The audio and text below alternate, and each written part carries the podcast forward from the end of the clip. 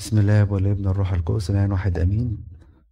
هنكمل النهارده الصحاح الخامس هراجع اللي خدناه المرة اللي فاتت ونكمل الاصحاح الخامس كله علشان نعمل اجتماع الصلاة من أجل إخواتنا اللي في السودان. يعني أكيد أنتم متابعين الأخبار معرفش متابعين أخبار الكنيسة ولا لأ في السودان بس الوضع صعب قوي يعني قوي قوي قوي يعني. الاباء الاساقفه ما سابوش طبعا الكنايس لكن خدوا معاهم الراهبات والمجموعة اللي معاهم لما يتم هجوم على بعض الكنايس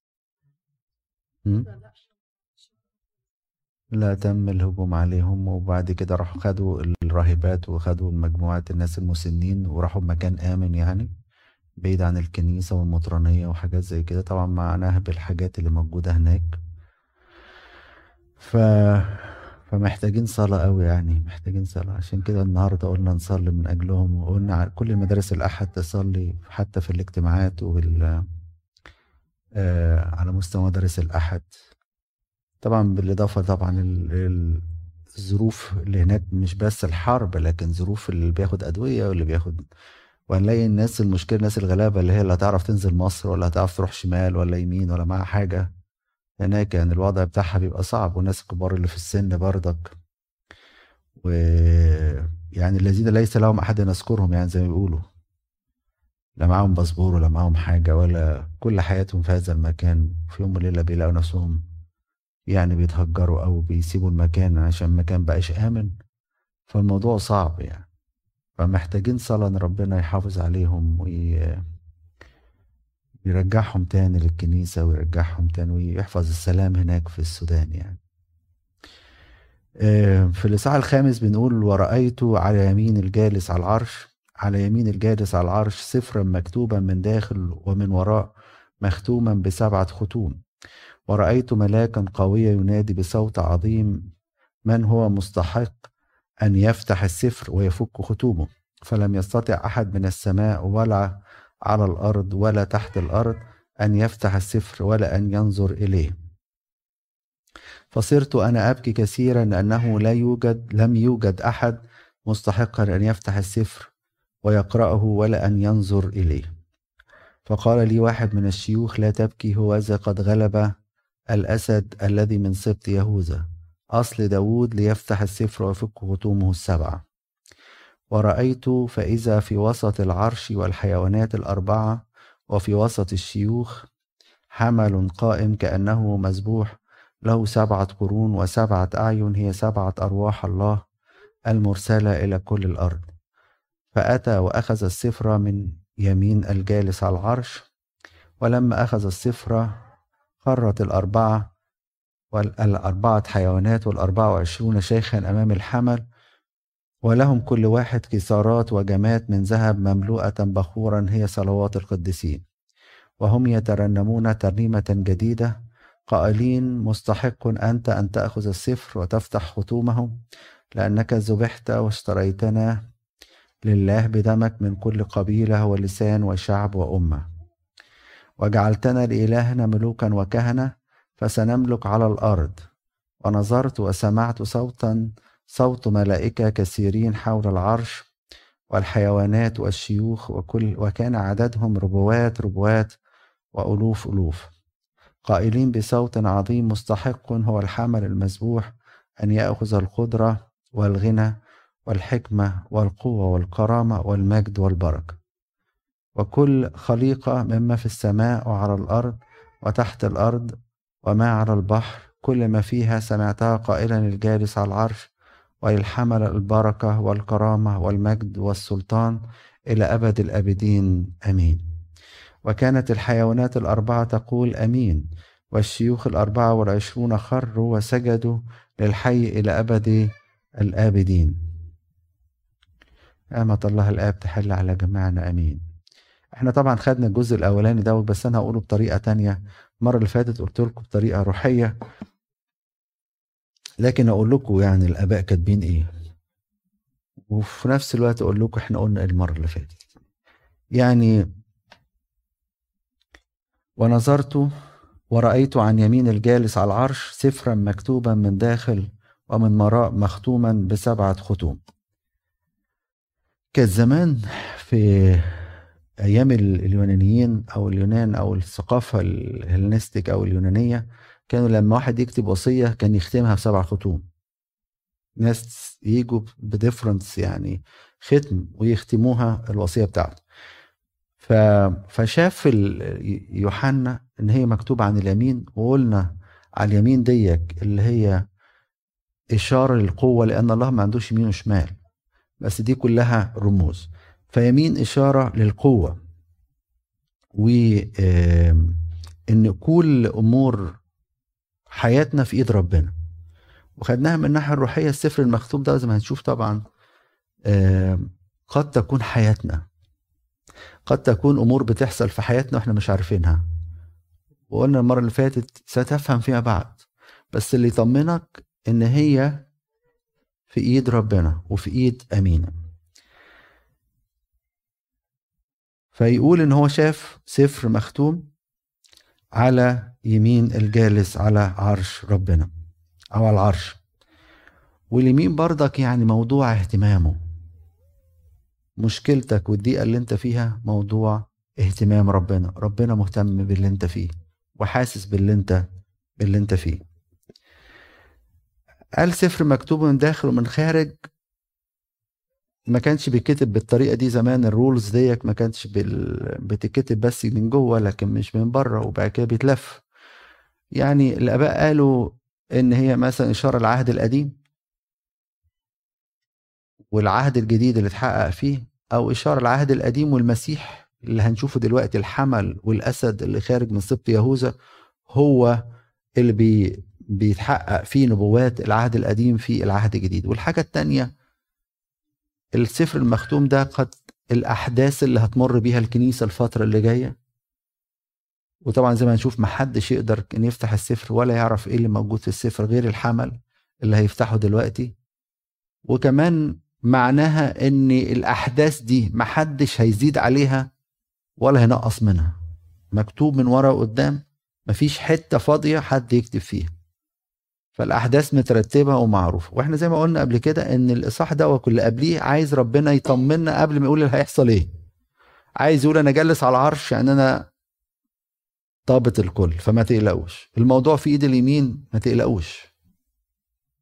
أنا مهتم بالمواضيع كلها سواء على مستوى حياتنا الشخصية أو على مستوى الكنيسة أو الأحداث اللي بتحصل في العالم والاضطرابات اللي بتحصل في العالم. فيقول لك ما تقلقش أنا موجود. أنا في دقيقه مالية ما تقلقش أنا موجود. أنا في دقيقه روحية ما تقلقش أنا موجود. أنا في دقيقه عائلية ما تقلقش أنا موجود. في أحداث هتحصل أنت مش فاهم بتحصل ليه. لكن أنا موجود ما تقلقش. كل أمور حياتك أنا مهتم بيها. إحنا ينقصنا الحتة دي. وقت الضيقة عينينا بتعمى. ما بنشوفش ربنا في وسط الضيقة. لكن وده اللي وقعنا بقى في الإحباط والحاجات الصعبة اللي إبليس عايز يوقعنا فين فين ربنا وسايبك ليه وليه بيحصل كده. فالأمور بتاعت حياتنا أو الأمور اللي هتحصل في العالم في الأيام الجاية في إيد ربنا وهو ضابط الكل. فده موضع اهتمامه. وده معنى إن هو على إيده اليمين. آه وبعض الناس قالوا طبعا إنه السفر ده بيحوي تدبير الخلاص من أجل البشرية كلها تدبير الفداء والخلاص واللي هيحصل في آه، في العالم كله. ومليان طبعا بالحوادث الأحداث والإنذارات والحاجات دي كلها اللي هتحصل في الأيام الجاية. وزي ما قلت لكم كان مختوم بسبع ختوم. عدد سبعة هي رمز للكمال زي ما قلنا. وهنلاقي رقم سبعة طبعا منتشر في السفر ده بالذات أو سباعيات كتيرة جدا. وبيشير طبعا إن في أحداث فعلا هتحصل في الأيام الجاية. محدش يعلمها غير ربنا.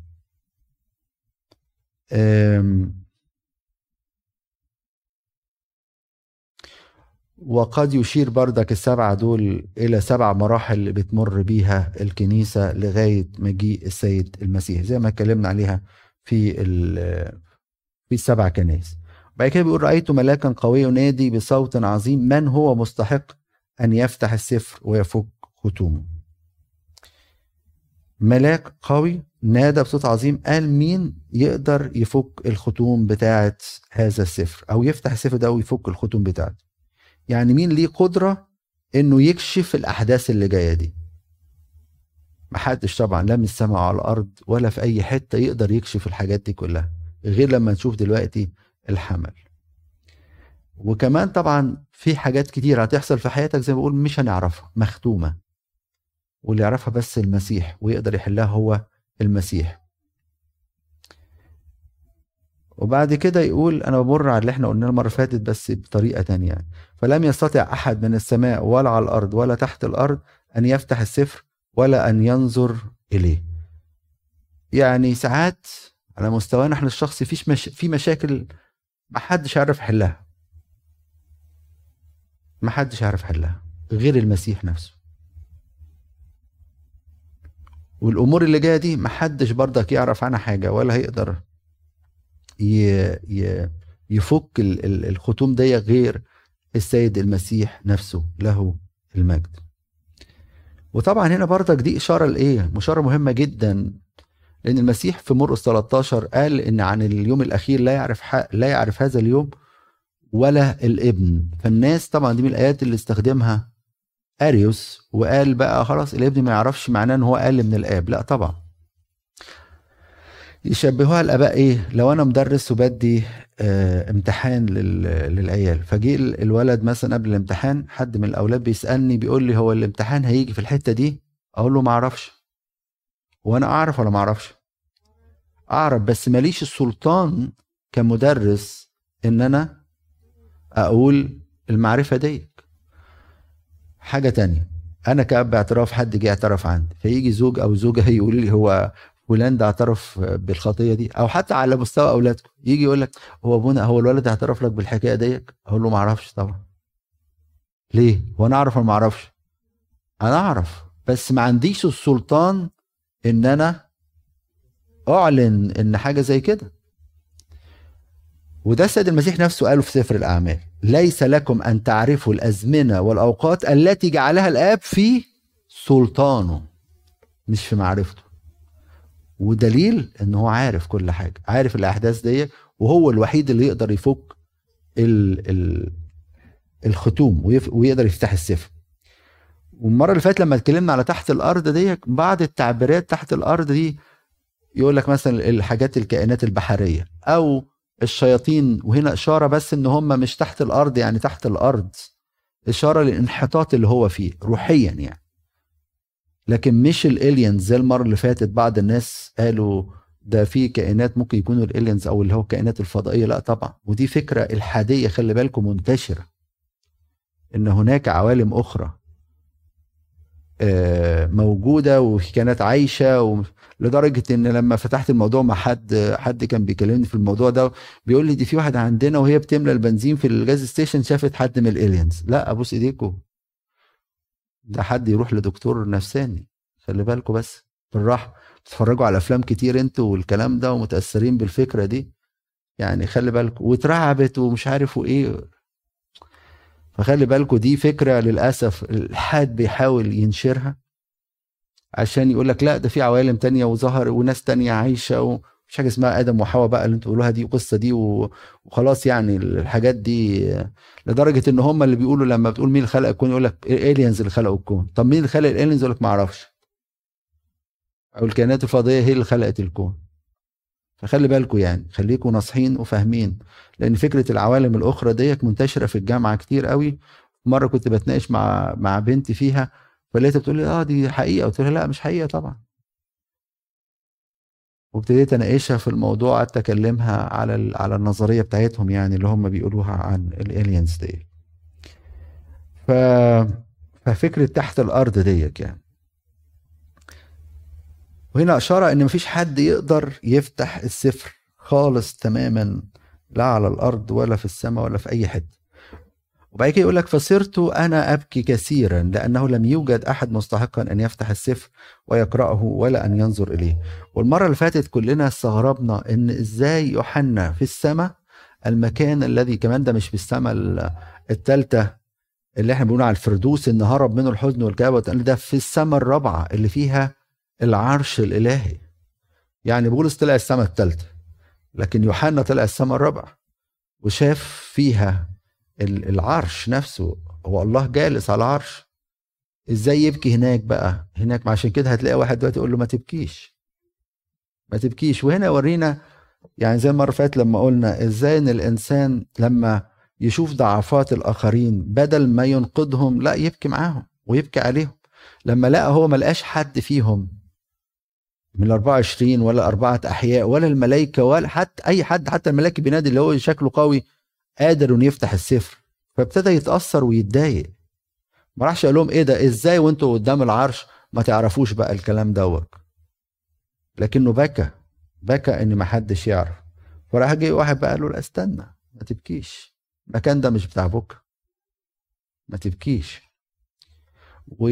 ولما اتكلمنا على الحتة دي قلنا دي حتة مهمة جدا. شغلة الناس دي شغلتهم إيه؟ تسبيح. طب ده هو دلوقتي راح يكلم واحد وبيعطل التسبيح بتاعه يقول لك لا اللي أنا بعمله ده خدمة. فعشان كده الناس اللي ربنا مديها نعمة الخدمة دي ما تقولش أنا مقصر أصل أنا مش عارف مش عارف أعمل إيه أصل أنا بضيع وقت في الخدمة لا.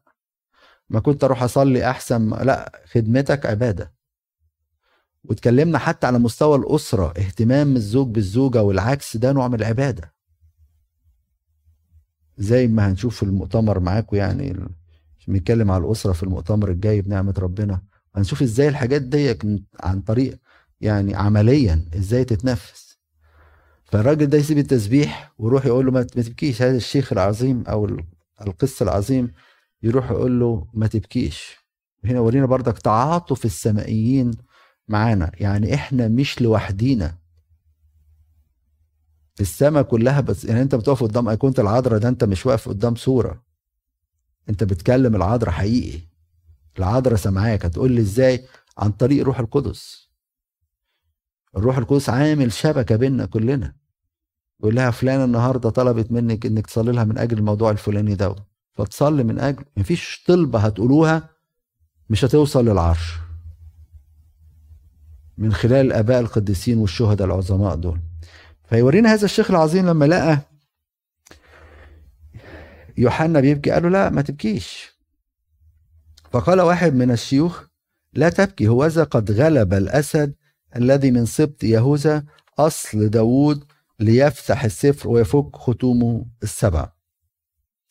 واتكلمنا على الحتة ديك طبعا أول حاجة قال له ما تبكيش.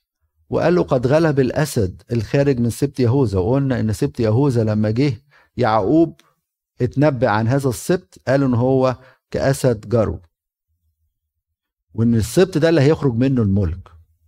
عشان كده ربنا لما اختاروا شاول في الأول خلاهم يختاروا شاول. وبعد كده رفضوا والملك جه من من سبط يهوذا. نيجي المسيح من نسل داوود. غلب الأسد الذي من سبط يهوذا. أصل داوود أصل داوود هنا إشارة للاهوته هو اللي خلق داوود. ليفتح السفر ويفك ختومه السبع. وقلنا طبعا في الأسد بردك إشارة للملك والقوة بتاعت إن هو ملك الغابة يعني. وبعد كده يقول ورأيت فإذا في وسط العرش والحيوانات الأربعة وفي وسط الشيوخ حمل قائم كأنه مذبوح. له سبعة قرون وسبعة أعين وهي سبعة أرواح الله المرسلة إلى كل الأرض. ونسأل المرة اللي فاتت سألنا نفسينا هو أسد ولا حمل ومذبوح؟ الاتنين. الاتنين. حمل مذبوح هنا إشارة إلى الذبيحة التي قدمها المسيح الذبيحة الكفارية اللي قدمها سيد المسيح على الصليب. وقائم قلنا إن الطريقة الواحدة الوحيدة اللي يبقى فيها الميت واقف وقائم هي الصليب. يعني بالرجم أو بالحرق أو أيا نوع طريقة الموت تانية مش هيبقى قائم كده هو. وقلنا إزاي إن سيد المسيح لما جه أسلم الروح نكس الرأس الأول وإدى إذن للموت إن هو يجي. وأسلم الروح بعديه وقال قد أكمل. فنقول بقى طب هو حمل ولا ولا أسد؟ هما الاثنين وشرحنا الحتة دي المرة اللي فاتت. له سبعة قرون. القرون هنا طبعا إشارة للقوة. القرون بتاعت هذا الخروف إشارة للقوة. وحمل لأن المسيح طبعا كان وديع لأنه قال تعلموا مني لأني وديع متواضع القلب والحمل وديع جدا. وكمان الحمل أو الخروف من الحيوانات الطاهرة. والمسيح طبعا كلي الطهر. قال من منكم يبكتنا على الخطية. كمان الحمل وهو بيقدم كذبيحة ما بيعملش أي حاجة. كشاه سيقت إلى الذبح لم يفتح فاه. آه، ده عشان كده هو الحمل. لكن الأسد في القوة بقى القوة والقدرة بتاعه الأسد فهو حمل في وداعته واتضاعه. لكنه أسد طبعا في قوته وفي انتصاره وغلبته. قائم قائم للحياة وجاي يدينا القيامة دي. وقائم كمان للشفاعة يشفع فينا كل يوم أمام الله الآب. وإحنا عن طريق الشفاعة الكفارية بتاعت السيد المسيح نقدر ونقدر نستطيع أن نقف أمام الله الآب ونصلي. وزي ما قلنا المرة اللي فاتت عشان أقف قدام الله الآب ما بقدرش أقف غير عن طريق الصليب ودم المسيح الكفاري يشفع فيا. وأروح أرشم الصليب الأول قبل ما أصلي علشان لما أقول لداخل الآب أقول له أنا محمي في الدم الصليب دوت في دم الحمل دوت الذي يشفع فينا كل يوم أمام العرش الإلهي. فقائم للحياة وقائم ان هو يشفع فينا كل يوم.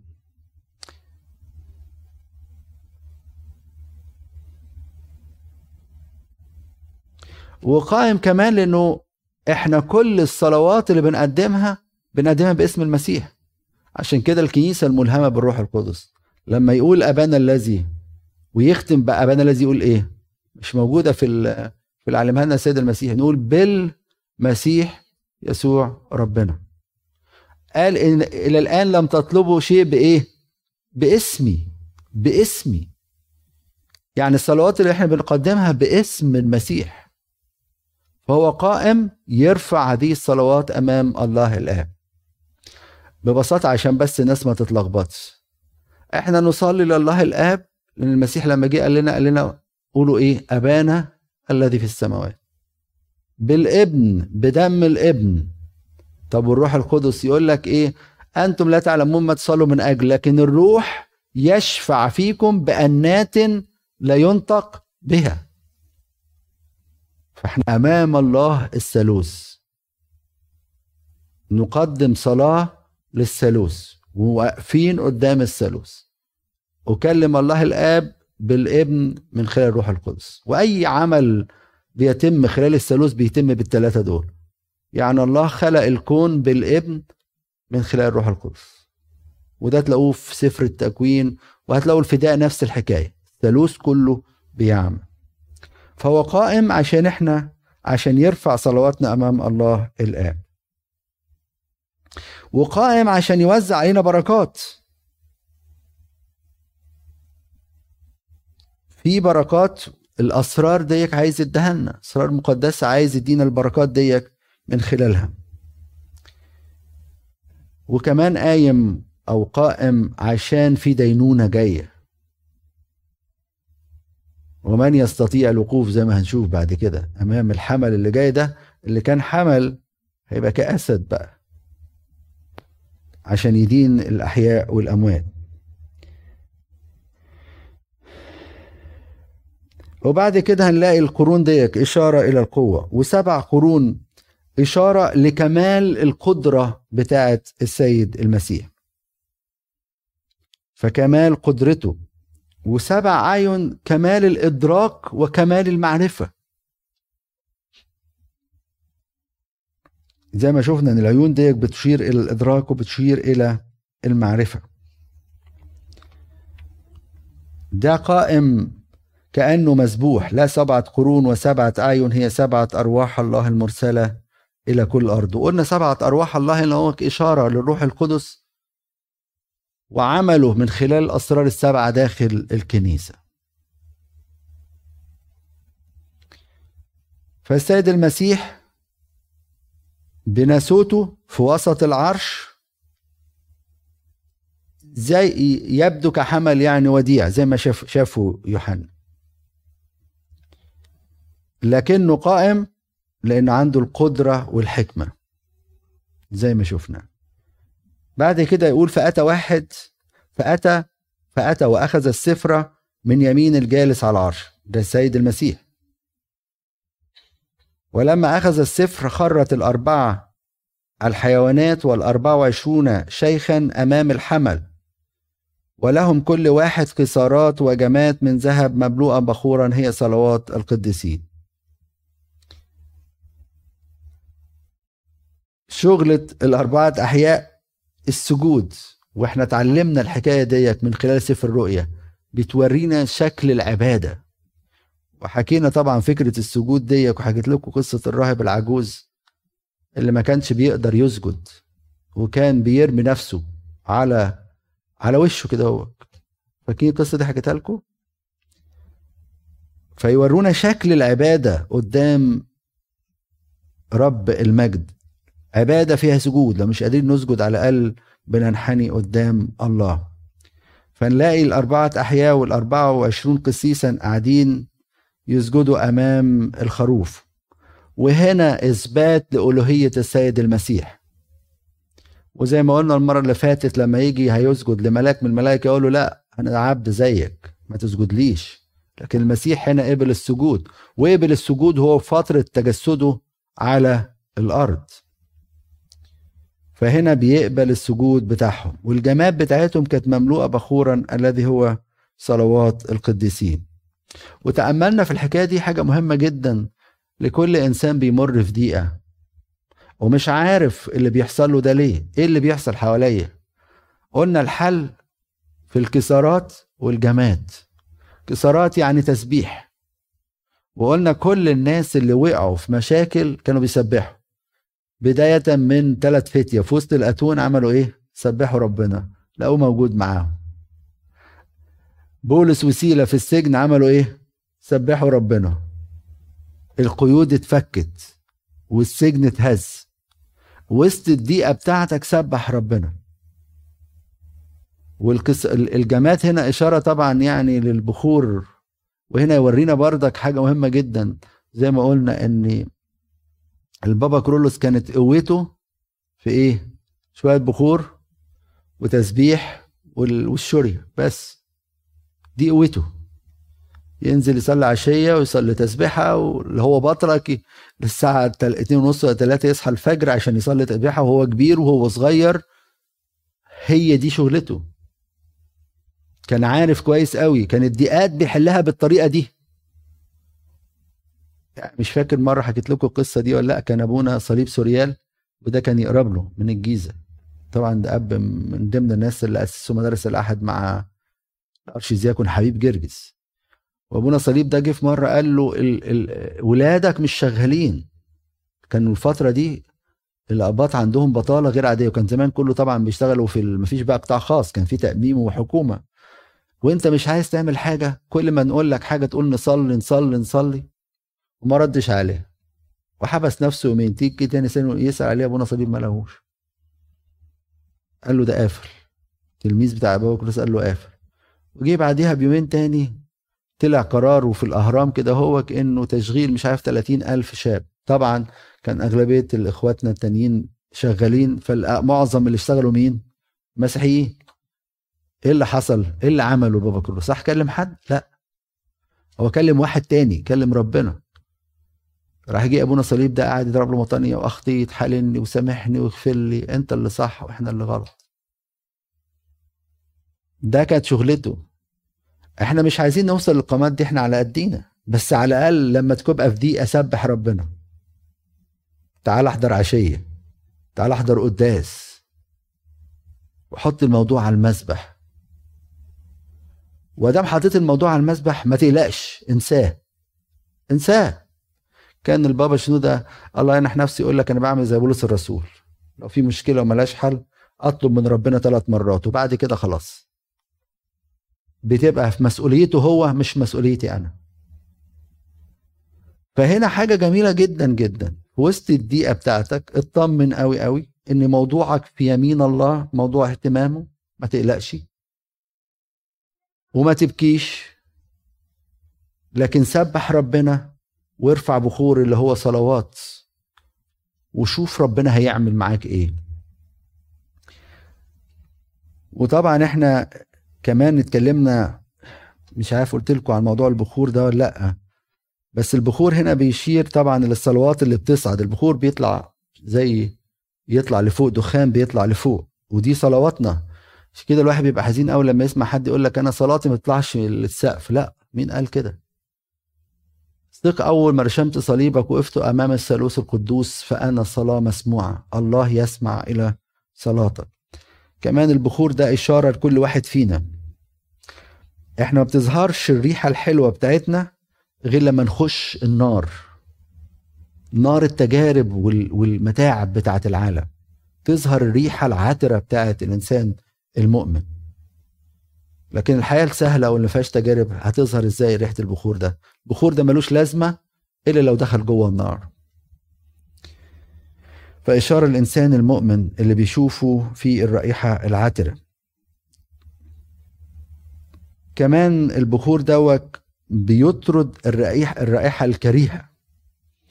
وإحنا كمؤمنين يعني الصلوات بتاعتنا ديت تطرد الأفكار الشريرة وكمان كل في مكان أي مكان آه، بنتواجد فيه نبقى رائحة المسيح الزكية. نبقى مختلفين عن المجتمع اللي إحنا عايشين فيه. يشموا ريحة المسيح في كلامنا في شكلنا في تصرفاتنا. بعد كده يقول وهم يترنمون ترنيمة جديدة قائلين مستحق أنت أن تأخذ السفر وتفتح ختومه لأنك ذبحت واشتريتنا لله بدمك من كل قبيلة ولسان وشعب وأمة. ترنيمة جديدة. ترنيمة جديدة دي حاجة حلوة قوي. هما بيرنموها كل يوم بس الترنيمة دي جديدة. عارفين عاملين زي إيه؟ زي القداس. بنصليه كل يوم بس كل قداس كأنه أول قداس نصليه. كانوا ينصحونا كده بنصيحة في بداية الكهنوت يقول لك صلي كل قداس كأنه أول قداس وآخر قداس في حياتك.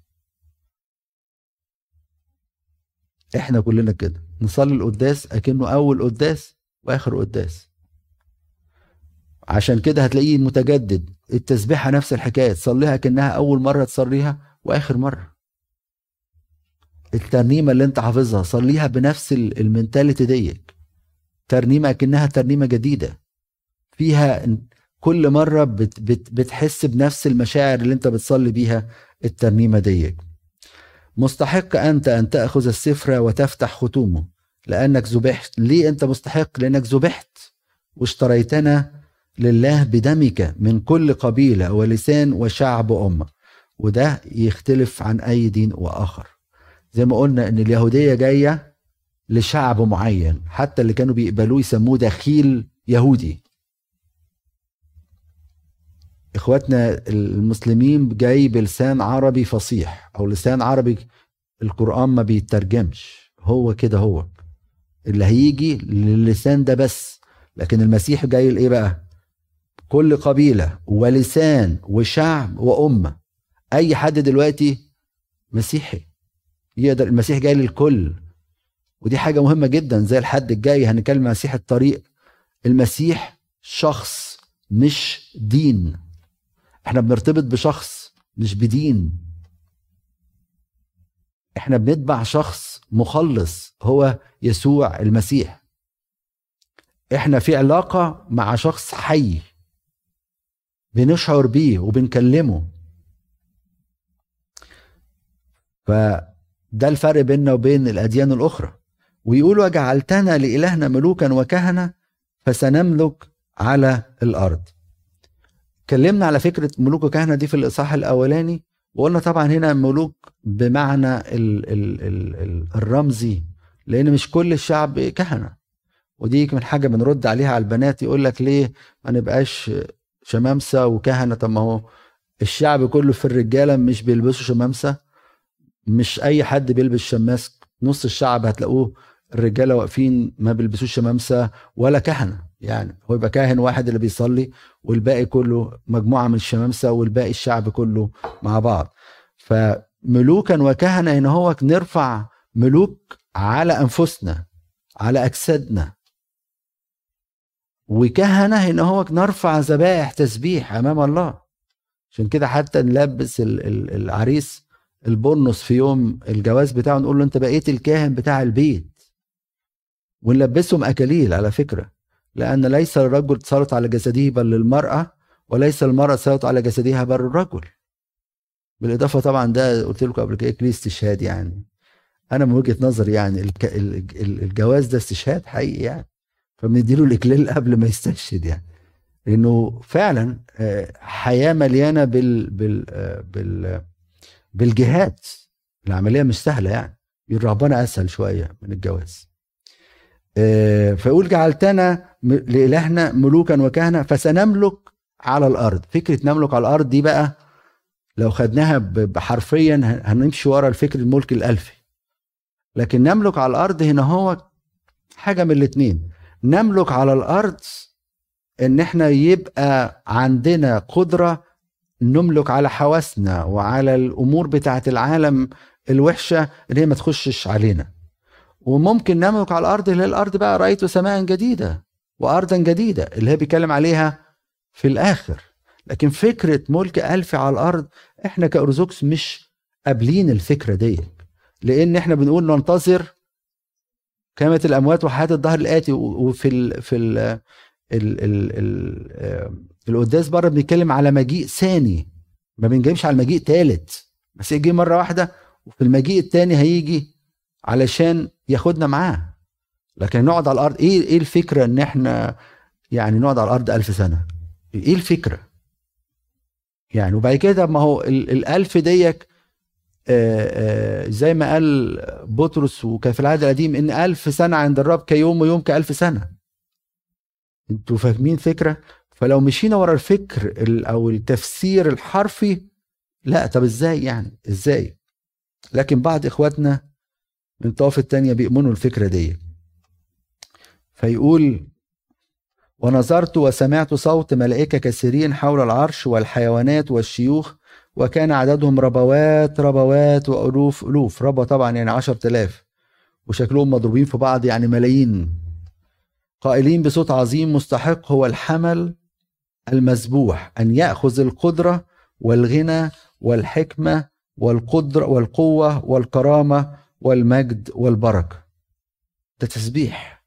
تسبيح. بيعلمونا برضك إزاي إحنا نبقى ماشيين بنفس الفكر ده ونفس الطريقة دي اللي بيسبحوا بيها ربنا. ويقول وكل خليقة مما في السماء وعلى الأرض وتحت الأرض وما على البحر كل ما فيها سمعتها قائلة للجالس على العرش وللحمل البركة والكرامة. خلي بالكم الجالس على عرش الله الآب والحمل اللي هو الله الابن البركة والكرامة. هنا بيتقدم ليهم الصلاة والسجود والعبادة. وللحمل البركة والكرامة والمجد والسلطان إلى أبد الأبدين إثبات ألوهية السيد المسيح له المجد. وكانت الحيوانات الأربعة تقول أمين والشيوخ الأربعة والعشرون خروا وسجدوا للحي إلى أبد الأبدين. بردك فكرة السجود هنا بتتكرر. ويورينا شكل العبادة اللي في السماء اللي إحنا كمان في كنيستنا بنقلد نفس الطريقة دي ثياب البيت تلاقي أبونا لابس تونيا المجمرة والبخور تلاقوا في القداس وفي العشية في مجمرة وبخور. فبنتبع نفس اللي شفناه في سفر الرؤيا نكتفي كده عشان نبتدي نصلي من أجل إخواتنا آه، اللي في السودان إن ربنا أنا طبعا سمعت قصص من الناس اللي كانوا هناك شفتهم قابلتهم يعني.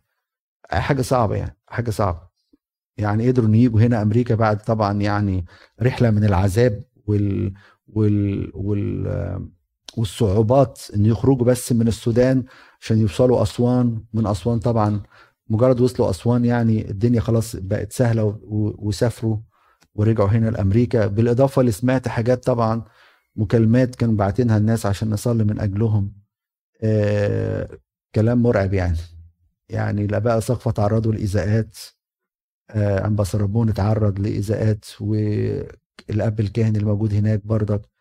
يعني آه زي ما قلت لكم مجموعة خدوها مع آه يعني الاساقفه عرفوا مكان آمن وراحوا فيه هم والراهبات والناس كبار في السن. فإحنا عايزين نصلي من أجل الناس زي ما قلنا في الأول اللي هم ما لهمش حد يذكرهم. أطفال هناك وناس غلابة جدا معرفش هياكلوا إزاي وبعت لهم الأكل إزاي لكن إحنا واثقين في إلهنا إن هو يقدر يسدد احتياجاتهم ويوقف الحرب ديت السون as بنعمة ربنا وبصلواتكم اللي هنقدمها النهارده. فاتفضلوا نصلي